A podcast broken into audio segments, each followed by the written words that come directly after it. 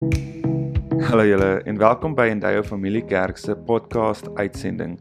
Ons missie is om 'n verskil te maak deur Jesus bekend te maak. Ons hoop ons boodskappe inspireer jou en trek jou nader aan God. Hy soek net jou hart. Geniet saam met ons hierdie boodskap. Ons vas, dan is ons besig om eintlik in die gees oorlog te voer. Ons is besig om juis te kom na plekke toe waar ons sê Here bevry die bindings van mense wat sukkel. Bevry mense wat verblind is en nie die waarheid sien nie. Ons is besig om geestelike oorlogvoering te doen deur ons vlees neer te lê. Ons kry 'n situasie waar Jesus die disippels uitstuur um met krag om sodat genesing kan plaasvind, demone uitgedryf kan word. En hulle kom in 'n situasie waar hulle besig is om te bid vir 'n demoon om uitgedryf te word, maar hulle kry dit nie reg nie. En hulle vra vir Jesus, "Maar Here, hoekom kon ons nie hierdie demoon uitdryf nie?" En dan antwoord hy hulle um die volgende, soos wat mooi geskryf word in die New King James Version, waar dit sê Matteus 17 vers 21. However, this kind does not go out except by prayer and fasting. So wat Jesus hierso sê is, hy sê dat wanneer ons vas en wanneer ons bid, is ons in totale afhanklikheid van God se krag. Dis op 'n plek wat ons kom en sê Here, as U nie vir ons deurkom in hierdie oomblik nie, is dit te vergeefs. Maar die vraag is, hoekom vas jy? Wat is die intensies agter hoekom jy vas. Wil jy maarder word om te vas? Daar is baie beter maniere om uh, gewig te verloor. Gaan volg die dieet erns waar jy wil. Maar vas moet gepaard gaan saam met gebed. Inteendeel, Jesus sê op 'n stadium, hy sê dat wanneer jy vas vir mense, dan het jy alreeds jou beloning ontvang. Maar wanneer jy vas, moet jy dit in stilte doen. Jy moet jouself nog steeds opmaak en aangaan met die lewe, want jou hemelse Vader sien wat jy doen en hy sal jou beloon. John Piper sê die volgende, hy sê if the reward you aim at in fasting is the admiration of others, that is what you will get and that will be all you get. Maar wanneer ons vas vir 'n spesifieke doel, dan is daar bonatuurlike kragte wat begin inbeweeg van God af. 'n Goeie getuienis wat gebeur het in die afgelope tyd is 'n uh, dame in ons gemeente Natasha haar seun het siek geword en hy moes ingaan sodat hulle sy blinde darm sou verwyder. Nou baie mense sal sê dis 'n baie basiese prosedure, Maar toe hy ingaan in die teater in, toe die dokter agtergekom dat toe hy insny, um dat daar 'n groot gewas is wat moet uitgehaal word. En die eerste ding wat die dokter sê is, toe hy die gewas sien, toe sê hy, "Jesus, maar die enigste manier hoe hierdie gewas hier kan wees is as gevolg van kanker." En hy sê toe vir Natasha dat um jy moet besef hy gaan hierdie gewas moet instuur vir toetse. Maar in daai oomblik het Natasha ingegaan en vas in gebed in en ons het saam die Here vertrou dat hierdie gewas nie sou kanker wees nie.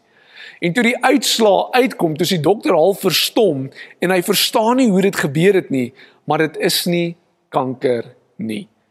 Daar is groot krag in vas en gebed. En ons as Christene word geroep na 'n plek van opoffering in ons lewe.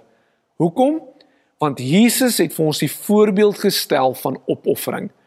Opoffering van sy liggaam, sy tyd, opoffering van wie hy is sodat ons sondes vergewe kon word. En wanneer ons Jesus volg, is dit 'n natuurlike ding wat gebeur. Ons wil opoffer. Dis nie omdat ons moet nie, maar omdat ons wil. Wanneer dit kom by ons finansies, dan maak ons selfs as leierskap en as span en as 'n gemeente groot opofferings want ons wil sien dat God se koninkryk vorentoe beweeg. En ek wil sommer nou die geleentheid gee dat as jy graag jou tieners en jou offerandes wil bring vir God se werk, dan sal jy sien in die onderkant van die skerm kom SnapScan sowel as die kerk se bankbesonderhede en jy kan jou tieners en jou offerandes ook daarin betaal. Baie baie dankie vir die opofferings wat jy maak vir God se koninkryk en mag die Here jou werklik daarvoor seën. Die Israeliete op 'n stadium is in groot gevaar. En hulle leier Josafat besef dat as God nie hier vir hulle inkom en ingryp nie, gaan 'n ander nasie hulle verslaan wat net oor kan die dooie see is. Hy roep die Israeliete saam vir 'n tydperk van vas en gebed wat hulle die Here se naam aanroep want hulle besef God is die een wat hulle hierdie oorwinning vir hulle kan bring. En die oomblik toe hulle dit doen, toe gebeur daar iets in die gees, iets in hierdie wêreldse vlees ook waar God die oorwinning bring vir die Israeliete. Hoekom? Want groot opoffering veroorsaak dat daar manifestasie is in bonatuurlike kragte en God tree in werking hierso. Iets anders wat ons moet besef dat vanuit vas kom al baie keer rigting in ons lewe in. Hoekom wat ons soek vir God en vra maar waartoe is ons op pad? Seker een van die grootste vrae wat ek baie keer kry by mense, is mense sal na my kom en vir my sê, maar hulle is so ontevrede met hulle lewe. Hulle weet nie waartoe hulle op pad is nie. Hulle is hulle is onseker oor God se wil en hulle is onseker oor die toekoms. Dis juis in daai oomblikke wanneer ons God soek vir rigting wat ons moet ingaan in 'n tyd van vas en gebed. Die kerk op 'n stadium in Handelinge is in Jerusalem en hulle weet nie watse rigting hulle wil hê God um, wil hê hulle moet ingaan nie. En ons lees in Handelinge 13 vers 2 tot 3 waar dit sê toe hulle op 'n keer bymekaar was om die Here te dien en om te vas, het die Heilige Gees gesê: "Sonder Barnabas en Saulus vir my af om die werk te doen waarvoor ek hulle geroep het." Nadat die gemeente gevas en gebid het en hulle die hande opgelê het, het die gemeente hulle laat gaan.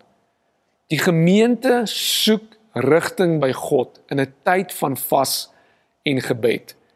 Ons kry ook waar Nehemia op 'n stadium 'n groot bouprojek wil aangaan waar hy Jerusalem se mure wil herstel. Maar hy spring nie net in, hy hoor daarvan en hy hardloop om dit te doen nie. Nee, hy gaan soek eers wat God se wil is in vas en gebed. En ons lees in Nehemia 1 vers 4 waar dit sê by die aanhoor van die woorde het ek gaan sit en gehuil en daal lank getreur. Ek het gevas en tot die God van die hemel gebid. Daar's 'n groot verskil tussen my begeertes om rigting te hê in hierdie wêreld, vir my begeertes oor wat ek uit die wêreld kan kry en om te sê nee, ek soek wat God se wil is. Ek is bereid om die opofferings te maak in my lewe sodat ek God se visie kan sien. Die Bybel praat van kazone, godly vision waartoe ek op pad is. Wanneer ek ook groot besluite in my eie lewe moes neem, is dit oomblikke wat ek gebid het en, ges, en gevas het en gesê het Here, ek soek U wil. En sou dit binne 1 dag gebeur nie altyd nie. Sou dit binne 3 dae gebeur nie altyd nie. Maar ek is so honger, ek is so desperaat vir God se wil. Ek sal aanhou om my vlees op te offer om te soek wat God vir my sê. En elke liewe keer sou God deurkom en hy sou vir my deurbrake gee in die rigting waarna ek moet ingaan. So ek wil vir jou vra dat jy jouself moet vra is wil ek God se manifesterende krag sien? Binne in my lewe meer as wat ek 'n begeerte het na kos en na vleeslike goed in hierdie wêreld. Die vraag is, maar wil ek God se rigting sien in my lewe en sê ek is bereid om opofferinge te maak juis sodat ek meer tyd met God kan spandeer, sodat ek sy rigting kan hoor. Ek wil jou roep na tyd van vernuwing, van 40 dae van vernuwing waar ons God gaan soek in hierdie tyd. Waar ons gaan vas en waar ons gaan bid, waar ons op Dinsdae en Donderdae aande bymekaar gaan kom, juis in 'n tyd waar ons net bewus raak van God se teenwoordigheid. Mag God se krag in jou lewe werk soos nog nooit vantevore in hierdie tyd wat voorlê. Mag hy vir jou rigting gee om te weet wat ek moet aanpak sodat sy koninkryk juis op die aarde kan kom. Kom ons sluit ons oë. Hemelvader, ek bid dat U ons sal help in, in hierdie tyd ons vlees te kruisig. Sodat ons Jesus kan volg in die voorbeeld wat hy vir ons gestel het deur vas en gebed. Here, ek bid dat U ons offerhande van waar ons ons liggaam gaan kruisig sal sal sien, Here, en dat U ons gebede sal verhoor in hierdie tyd. Here, ons wil meer en meer van U hê. Come Lord and saturate us with your Holy Spirit. En ons sê amen. So ons het by die einde van ons diens gekom en ek glo dat jy ook regtig geseënd is deur vandag se boodskap. Kan ek asseblief die seën van die Here oor jou uitspreek? Mag die Here by jou wees. Mag hy jou meer en meer uitdaag om dieper in wie hy is in te spring. Mag jy openbaring deur hom ontvang en mag jy in hierdie tyd van vas en gebed regtig wonderwerke sien gebeur in jou lewe. In Jesus naam bid ek. Amen.